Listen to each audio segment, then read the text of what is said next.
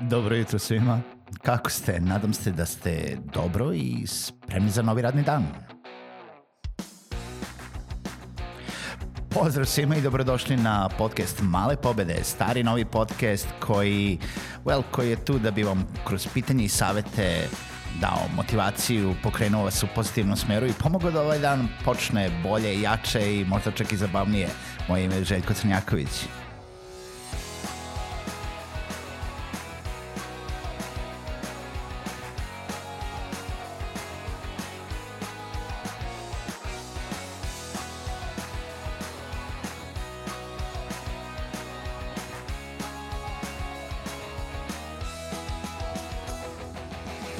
Pozdrav svima, dobro jutro i dobrodošli u novu epizodu podcasta Male pobede. Hvala vam što ste i ovu epizodu sa mnom. Hvala vam što slušate Male pobede i nadam se da vam ovi, uh, ove priče, ova iskustva uh, i ove epizode na neki način pomažu, čak i ako ne svaka, barem ona koja vas apsolutno zanima. Pozivam vas da posetite sajt malepobede.rs, da se prijavite na newsletter ili ukoliko vam je uh, podcast išta znači u nekom momentu da podržite podcast putem Patreona www.patreon.com kroz male pobede. A, danas želim da pričam sa vama o optimizaciji troškova. Uh, šta više, generalno ovo nije vezano samo za biznis, ali pogotovo ukoliko ste u biznisu, jer upravo sam prolazio kroz jedan deo toga i uh, mogu vam reći da mnogo ljudi ne misli na gomilu stvari koje, mislim, koje sam ja primetio kod sebe. Uh, isto tako i ja sam, nisam mislio na neke stvari, pa da uđemo zapravo u to. Postoji mnogo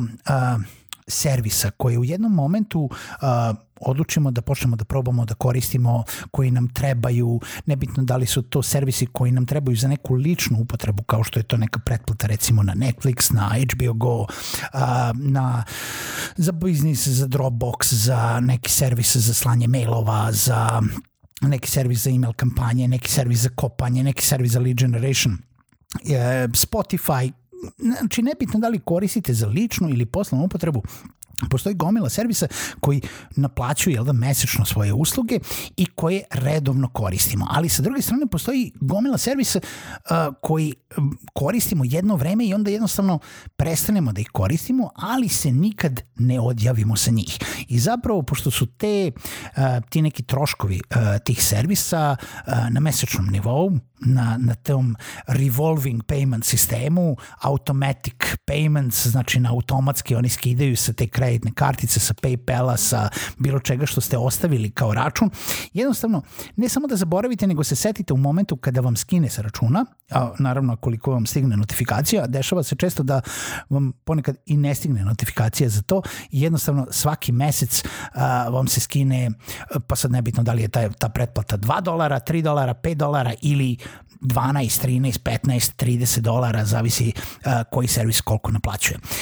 Um, često se dešava da u momentu kada vidimo da je to nešto skinulo sa, sa računa, onda kažemo sami sebi, a pa dobro, nis, ne treba mi, ne koristim, ali eto sad je već skinulo još ovaj mesec, ne mogu ništa da uradim povodom toga, pa možda ću ga i koristiti ponovo ovaj mesec. A zapravo se desi da ponovo opet ne koristimo ili koristimo veoma malo te stvari i opet zaboravimo, izgubimo, uh, jel da, misao o tome i desi se da taj reoccurring payments taj, taj, a to automatsko naplaćivanje iz meseca u mesec na datum koji ste vi počeli to da ovaj, koristite, uh, zapravo uzme vama puno više novca nego što ste zapravo planirali. E, I ne kažem da je to tako kod svakog servisa, ali uvek postoji moment kada vi možete sami sebi da kažete sada treba da izdvojim sledećih sat, dva, vremena i da pogledam šta mi sve to uzima troškove na mesečnom nivou i da li ja to zapravo koristim. Ja sad odmah mogu da kažem da sam ja našao nekoliko stvari koje bi automatski mogao da otkažem. Za početak, to, to, sam, to se desilo još prošle godine, ja sam imao Spotify tako uplaćen, čak i preko VPN-a, kada Spotify još nije bio kod nas, Uh, mislim da možda ni sad nije, nisam proveravao, ali nema veze. Imao sam uplaćen, a zapravo sam ga koristio u plaćenoj verziji samo zato što je mogao jel, da, da downloaduje pesme, to jest da skine pesme u offline modu na telefon, kada sam putovao. A putovao sam recimo 3-4 puta godišnje tako da nisam imao tu opciju streaminga i onda mi je jako dobro došlo. Ali s druge strane, uh, rekao sam sebi da li mi zapravo vredi uh, da plaćam tih 5, 6, 7 dolara mesečno za ta 3-4 puta godišnje. Jer sa druge strane znam ljude koji non stop slušaju Spotify i dok rade i dok to, ja nisam takav, ja ne slušam Spotify uvek kada radim zato što često pričam, često radim neke interaktivne stvari i jednostavno nisam jedan od onih koji non stop sluša muziku dok rade. I zapravo sam video da mi Spotify uzima puno više para nego što mi to zapravo treba. Druga stvar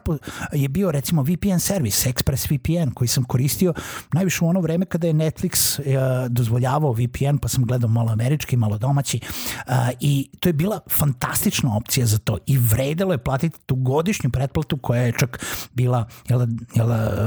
dva meseca jeftinija nego kad bi plaćali mesec za mesec i tako. Ali od momenta momenta kada je Netflix krenuo da blokira sve VPN-ove, pa tako i ExpressVPN, a, jednostavno nisam ga ugasio, zato što sam platio godišnju pretplatu i dok je došlo do tog momenta da se uplati, rekao sam, ili sam zaboravio pa je to onda opet skinulo ili sam jednostavno rekao pa dobro sad uplatilo se pa imam još godinu dana VPN-a te sigurno će mi trebati za nešto.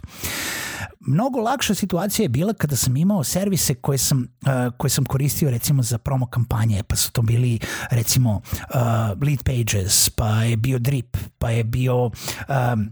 Calendly koji sam plaćao kao premium account, uh, pa bili su neki svi servisi uvezani u tu neku kampanju i bili su čak neki uh, uh, alati koje sam plaćao na godišnjem nivou i zapravo su oni u, u nekom kumulativnom efektu koštali mene recimo nekih 70, 80 do 100 dolara mesečno. E sada, tu je bilo mnogo lakše primetiti kao tako da kada sam prestao to da koristim, znao sam zašto prestajem, zato što mi treba tih 70, 80, 100 dolara mesečno, ne godišnje, da, da jednostavno sačuvam ako ih ne koristim. I to je bilo mnogo lakše primetiti i jednostavno svesno ste otišli i kliknuli jedno 16 puta na da li ste sigurni da sad želite da otkažete ovu uslugu, da li ste sigurni da li želimo da vam damo još dva meseca besplatno i tako dalje. Ono što sam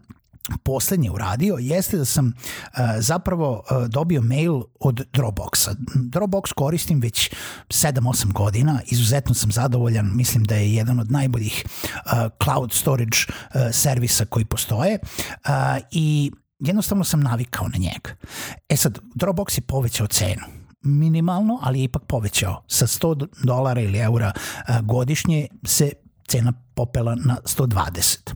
Ono što sam takođe primetio, a nisam nikada koristio, jeste da već 3-4 godine plaćam uh, premium, i, to jest legalizovani Office 365. Zato što sam izabrao da želim to da plaćam, zato što sam želeo da uh, jedan alat koji koristim na svakodnevnom nivou ima, uh, imam legalno imam uh, u svakom momentu poslednji update za njega i jednostavno nije mi bilo skupo platiti za srpsko tržište tih nekih 400, 500, 600 dinara mesečno, što iznosi lupam tri kafe u gradu, za to da imam legalni Microsoft Office.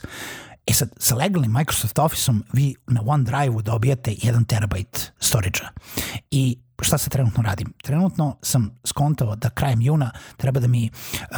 Dropbox naplati ponovo godišnji uh, paket i sada testiram OneDrive, prebacio sam sve ono na, na OneDrive da vidim uh, da li mogu da re, repliciram iskustvo